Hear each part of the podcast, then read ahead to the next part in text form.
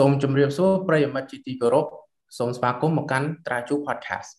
ត្រាជូ podcast គឺជាកម្មវិធីថ្មីរបស់សមាគមសាលាត្រាជូដែលយើងបានបង្កើតឡើងក្នុងការបង្កើតនៅកិច្ចសម្ភារទៅលើប្រធានបទច្បាប់ជាមួយវាគ្មិនជំនាញដើម្បីចូលរួមការវិភាសានិងការបកស្រាយចម្ងល់ច្បាប់អន្តរជាតិនិងច្បាប់ជាតិប្រកបដោយខ្លឹមសារខ្លីខ្លឹមនិងមានប្រយោជន៍ខ្ញុំបាទឈ្មោះរស់សាយមភូ ជាអ្នកសម្របសម្រួលកម្មវិធីនៅក្នុងថ្ងៃនេះនៅក្នុងសប្តាហ៍នេះកម្មវិធីយើងនឹងផ្ដោតលើប្រធានបទវិធានការផ្នែកពន្ធដារក្នុងបរិការនៃជំងឺ Covid-19 នៅកម្ពុជានិងសកលលោកដើម្បីបកស្រាយក៏ដូចជាឆ្លើយនឹងសំណួរជុំវិញប្រធានបទនេះយើងបានអញ្ជើញលោកគឿយវិញគឿមបច្ចុប្បន្នជាអ្នកស្រាវជ្រាវជាន់ខ្ពស់សាលាត្រាជូជាមន្ត្រីរាជការពន្ធដារនៃនាយកដ្ឋាននីតិកម្មគោលនយោបាយសារពើពន្ធ និងសហប្រតិបត្តិការអន្តរជាតិពន្ធដារអន្តរជាតិនៃអគ្គនាយកដ្ឋានពន្ធដារនៃក្រសួងសេដ្ឋកិច្ចនិងហិរញ្ញវត្ថុលោកក៏ជាគ្រូបង្រៀនផ្នែកច្បាប់នៅសាកលវិទ្យាល័យភូមិន្ទនីតិសាស្ត្រនិងវិទ្យាសាស្ត្រសេដ្ឋកិច្ចនិងបណ្ដាសាកលវិទ្យាល័យឯកជនមួយចំនួននៅក្នុងរាជធានីភ្នំពេញផងដែរដើម្បីលោកបកក្នុងការបកស្រាយក៏ដូចជាផ្ដល់ជាពុទ្ធិមតិយោបល់បន្ថែមជុំវិញប្រធានបទនេះហើយដូចនេះសូមប្រិយមិត្តជាទីគោរព សូមបន្តសម្ដាប់នៅកម្មវិធីតាជូ podcast ស្ដីពីប្រធានបទវិធានការផ្នែកបណ្ដាក្នុងបរិការនៃជំងឺ Covid-19 នៅកម្ពុជានិងសកលលោកដូចតទៅ បាទសូមអនុញ្ញាតគោរពជំរាបសួរលោកវិញគ្រឿមបាទបាទជំរាបសួរសយ៉ាមភូបាទអរគុណលោកអឺដើម្បីកុំឲ្យខាតពេលយូរខ្ញុំនឹងចូលទៅសំណួរយើងតែម្ដងពាក់ព័ន្ធជាមួយនឹងផ្នែកពន្ធដារនេះជាពិសេសក្នុងបរិការជំងឺ Covid-19 ដែលយើងបានមើលឃើញថាមាន ការចង់ដឹងចង់ឮក៏ដូចជាការឆ្ងល់ច្រើនអឺលោកវិញគ្រឿងយើងមើលឃើញថារដ្ឋាភិបាលគាត់បានដាក់ចេញនៅយន្តការពន្ធដារជួយសម្របសម្រួលជាច្រើនប៉ុន្តែជុំវិញក៏ប្រធានបទនេះផ្ទាល់តើការលើកលែងពន្ធក៏ដូចជាការអនុគ្រោះពន្ធនេះ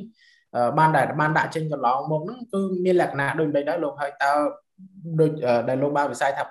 បានមានប្រសាសន៍ថាបដោតលើវិស័យទេសចរកាត់ដេរនិងអាកាសចរតើមានវិស័យណាផ្សេងទៀតដែលចូលរួមពាក់ព័ន្ធហើយជាពិសេសនោះគឺថាតែបន្ទាប់ពីបានដាក់ចេញហើយនោះអ្នកណាខ្លះទទួលបានផលប្រយោជន៍នៃការលើកលែងពន្ធនេះបាទអរគុណច្រើនសយ៉ាមភូសម្រាប់សំណួរនេះយើងឃើញថាការដាក់ចេញនៅវិធានការអន្តរាគមរបស់រដ្ឋាភិបាលហ្នឹងគឺសម្ដៅជួយដល់វិស័យឯកជនដែលគាត់ទទួលរងផលប៉ះពាល់ធ្ងន់ធ្ងរ ឲ្យអាចបន្តរស់រានបានក្នុងពេលដ៏លំបាកនេះក៏ដូចជាជួយដល់កម្មករនិយោជិតនៅក្នុងវិស័យពាក់ព័ន្ធមួយចំនួនដូចជាវិស័យទេសចរក្រុមហ៊ុនអាកាសចររបស់កម្ពុជាដែលគាត់ទទួលបាននៅការលើកលែងពន្ធអបបមាប្រចាំខែបាទហើយទី2គឺវិស័យទេសចរគឺគាត់ទទួលបាននៅការលើកលែងពន្ធប្រចាំខែគ្រប់ប្រភេទចំពោះស្ថានភាពផ្ទះសំណាក់ភោជនីយដ្ឋាននិងក្រុមហ៊ុនភ្នាក់ងារទេសចរ ដែលគាត់បានចុះបញ្ជីជាមួយនឹងអគ្គនាយកដ្ឋានពន្ធដារនិងមានសកម្មភាពសកម្មភាពអាជីវកម្មនៅក្នុងរាជធានីភ្នំពេញខេត្តសៀមរាបខេត្តព្រះសីហនុខេត្តកែបខេត្តកំពតក្រុងបាវិតក្រុងបោយប៉ែដូចជាដើមលើសពីនេះយើងឃើញថាមាននៅការលើកលែងពន្ធបតង់ក៏ដូចជាពន្ធតែមត្រីសារពើពន្ធចំពោះក្រុមហ៊ុនភ្នាក់ងារទេសចរនិងប្រតិបត្តិការទេសចរដទៃទៀតផងដែរ ហើយទី3នោះក៏មានផងដែរនៅការបន្ធូរបន្ថយនៅការអនុវត្តពន្ធកាត់ទុកលើការប្រាក់សម្រាប់អ្នកផ្ដល់កម្ចីក្នុងស្រុកនិងក្រៅស្រុកសម្រាប់ទាំងអ្នកដែលមានកម្ចីថ្មីនិងកម្ចីចាស់ទាំងមានប្រទេសដែលមាន DTA ជាមួយគ្នានិងមិនមាន DTA បាទហើយតាមរយៈវិធានការអន្តរាគមទាំង10ជុំហ្នឹងដែលបានដាក់ចេញដោយរដ្ឋាភិបាលយើងសង្កេតឃើញថាអ្នកដែលទទួលបានផលប្រយោជន៍ខ្លាំងពីការលើកលែងពន្ធនេះគឺ អ្នកដែលគាត់ទទួលរងផលប៉ះពាល់ធ្ងន់ធ្ងរដោយសារវិបត្តិ COVID-19 គឺមានរោងចក្រសហគ្រាសនិងអាជីវកម្មវិស័យកាត់ដេរវិជ្ជាភ័ណ្ឌស្បែកជើង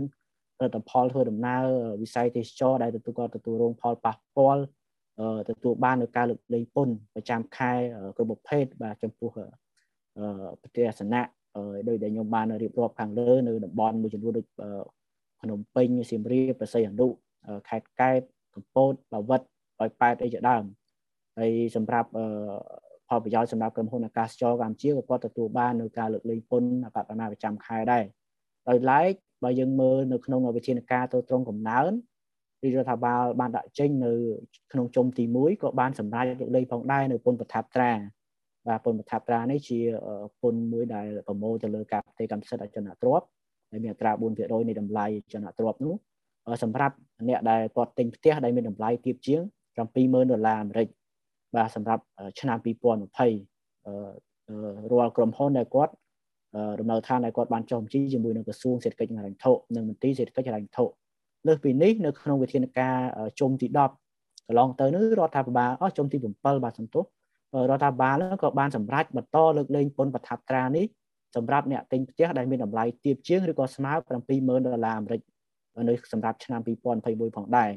ដោយឡែកសម្រាប់ឆ្នាំ2022 យកអត់ទាន់ដឹងថារដ្ឋាភិបាលឬរដ្ឋាភិបាលនឹងបន្តលើកលែងទៀតឬក៏អត់ទេប៉ុន្តែខ្ញុំជឿជាក់ថានឹងអាចបន្តលើកលែងទៀតដោយសារអឺវិបត្តិ COVID-19 នេះនៅតែបន្តជះឥទ្ធិពលនៅវិស័យចលនាទ្រព្យផងដែរបាទសូមអរគុណបាទលោកយើងមើលឃើញថាជារួមយើងមើលឃើញថាការដាក់ចេញនៅវិធានការ នេះយើងឃើញមានថាច្រើនជុំហើយដោយលោកមានមានប្រសាសន៍អញ្ចឹងថាឥឡូវនេះដល់10ជុំហើយយើងក៏មើលឃើញពីជុំមួយទៅជុំមួយហាក់បីដូចជាមានភាពខុសប្លែកគ្នាទោះបីជាមិនទាំងស្រុងក៏មានមួយចំនួនដែរអញ្ចឹងជាពិសេសជុំវិញពាក់ព័ន្ធជាមួយនឹងវិធានការបន្ថែមជុំទី10ដែលបានទៅតែដាក់ចេញនៅការពីថ្ងៃទី28ដុល្លារឆ្នាំ2021ដែលលោកមានប្រសាសន៍ខាងដើមហ្នឹងថាតើជុំទី10នេះមានភាពខុសប្លែកក៏ដូចជាចំណុចពិសេសអ្វីជាងជុំមុនមុនដែរទេលោក បាទសយ៉ាមភូវិធានការជុំទី10នេះក៏មិនសូវខុសប្លែកពីជុំមុនមុនប៉ុន្មានដែរអញ្ចឹងការដាក់ចេញនៅវិធានការជុំទី10នេះគឺក្នុងគោលបំណងទី1នោះគឺកាត់បន្ថយផលប៉ះពាល់នៃជំងឺ Covid-19 មកលើស្ថានភាពសង្គមសេដ្ឋកិច្ចក៏ដូចជាការដាក់ចេញនិងអនុវត្តវិធានការទ្រទ្រង់និងស្ដារអាជីវកម្មនិងធុរកិច្ចឲ្យងើបឡើងវិញក្នុងបរិការនៃការបើកឡើងវិញជាបដាបដានៅសកម្មភាពសង្គមសេដ្ឋកិច្ច តាមគន្លងប្រកបភាពថ្មីនិងទី2នោះគឺធ្វើការបន្តសុពលភាពនៃវិធានការដែលបានដាក់ចេញក្នុងវិធានការកន្លងកន្លងទៅនោះដែលបានផុតកំណត់អីចឹងបាទដើម្បីបន្តសុពលភាពតែប៉ុណ្្នឹងទេបាទអញ្ចឹងសំណួរចុងក្រោយរបស់យើងពីកម្មវិធីនោះគឺថាក្នុងលោកវិញគឺជាអ្នកជំនាញនៅក្នុងប្រធានបទនេះក៏ដូចជាក្នុងវិស័យនេះតើលោកគួរយើងគួរយល់ថា តើរដ្ឋាភិបាលគួរបន្តដាក់ចេញនៅវិធានការផ្នែកពន្ធដារនេះទៀតទេហើយបើសិនជាដាក់ចេញតើគួរបន្តរហូតដល់ពេលណាដែរលោកបាទអរគុណដូចដែលយើងបានដឹងស្រាប់ហើយថាកាលពីថ្ងៃទី1ខែវិច្ឆិកា2021កន្លងទៅប្រមុខរដ្ឋាភិបាលកម្ពុជាបានសម្រេចប្រកាសបើកប្រទេសឡើងវិញទៅគ្រប់វិស័យហើយការសម្រេចអនុញ្ញាតបើកប្រទេសឡើងវិញនេះអាចបញ្ជាក់អំពីជំហរដ៏រឹងមាំនិងភាពជឿជាក់របស់កម្ពុជាក្នុងការ ចាក់ចេញពីជំងឺ Covid-19 ទៅតាមប្រក្តីភាពថ្មីឡើងវិញខណៈដែលបច្ចុប្បន្នហ្នឹងកម្ពុជាចាក់វ៉ាក់សាំងបានគ្រប់ចំនួនគោលដៅ10លានអ្នករួចទៅហើយហើយគិតត្រឹមថ្ងៃនេះការចាក់វ៉ាក់សាំងជូនប្រជាជនហ្នឹងគឺសម្រេចបានរហូតដល់88.58%ធៀបនឹងប្រជាជនសរុប16លានអ្នកបាទនេះជាមោទនភាពមួយសម្រាប់កម្ពុជាហើយតាមការយល់ឃើញរបស់ខ្ញុំទោះបីជាមានការបើកប្រទេសឡើងវិញគ្រប់វិស័យយ៉ាងណាក៏ដោយ រាជរដ្ឋាភិបាលគួរតែបន្តដាក់ចេញនូវវិធានការអន្តរាគមនេះរហូតដល់ស្ថានភាពបានវិលត្រឡប់ទៅរកភាពល្អប្រសើរដូចមុនពេលផ្ទុះ COVID-19 វិញព្រោះថាប្រសិនបើវិបត្តិ COVID-19 នៅតែបន្តសហគ្រាសអាជីវកម្មក្នុងវិស័យមួយចំនួនដែល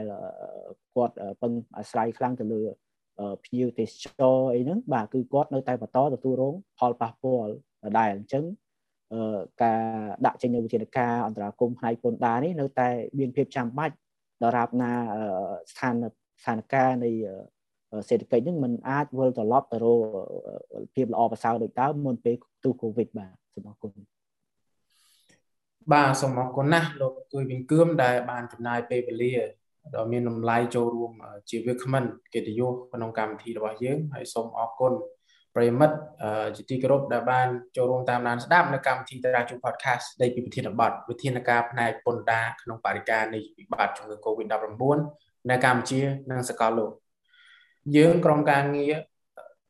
កម្មវិធីត្រាជូ podcast សង្ឃឹមថាប្រិយមិត្តនឹងទទួលបានចំណេះដឹងនិងពុទ្ធិថ្មីអំពីសំណាក់វាគ្មិនជំនាញរបស់យើងដែលលោកបានរៀបរាប់បានយ៉ាងក្បោះក្បាយដោយផ្អែកលើមូលដ្ឋានច្បាប់និងបច្ចេកទេសជាពិសេសក្នុងវិស័យពន្ធដារនេះ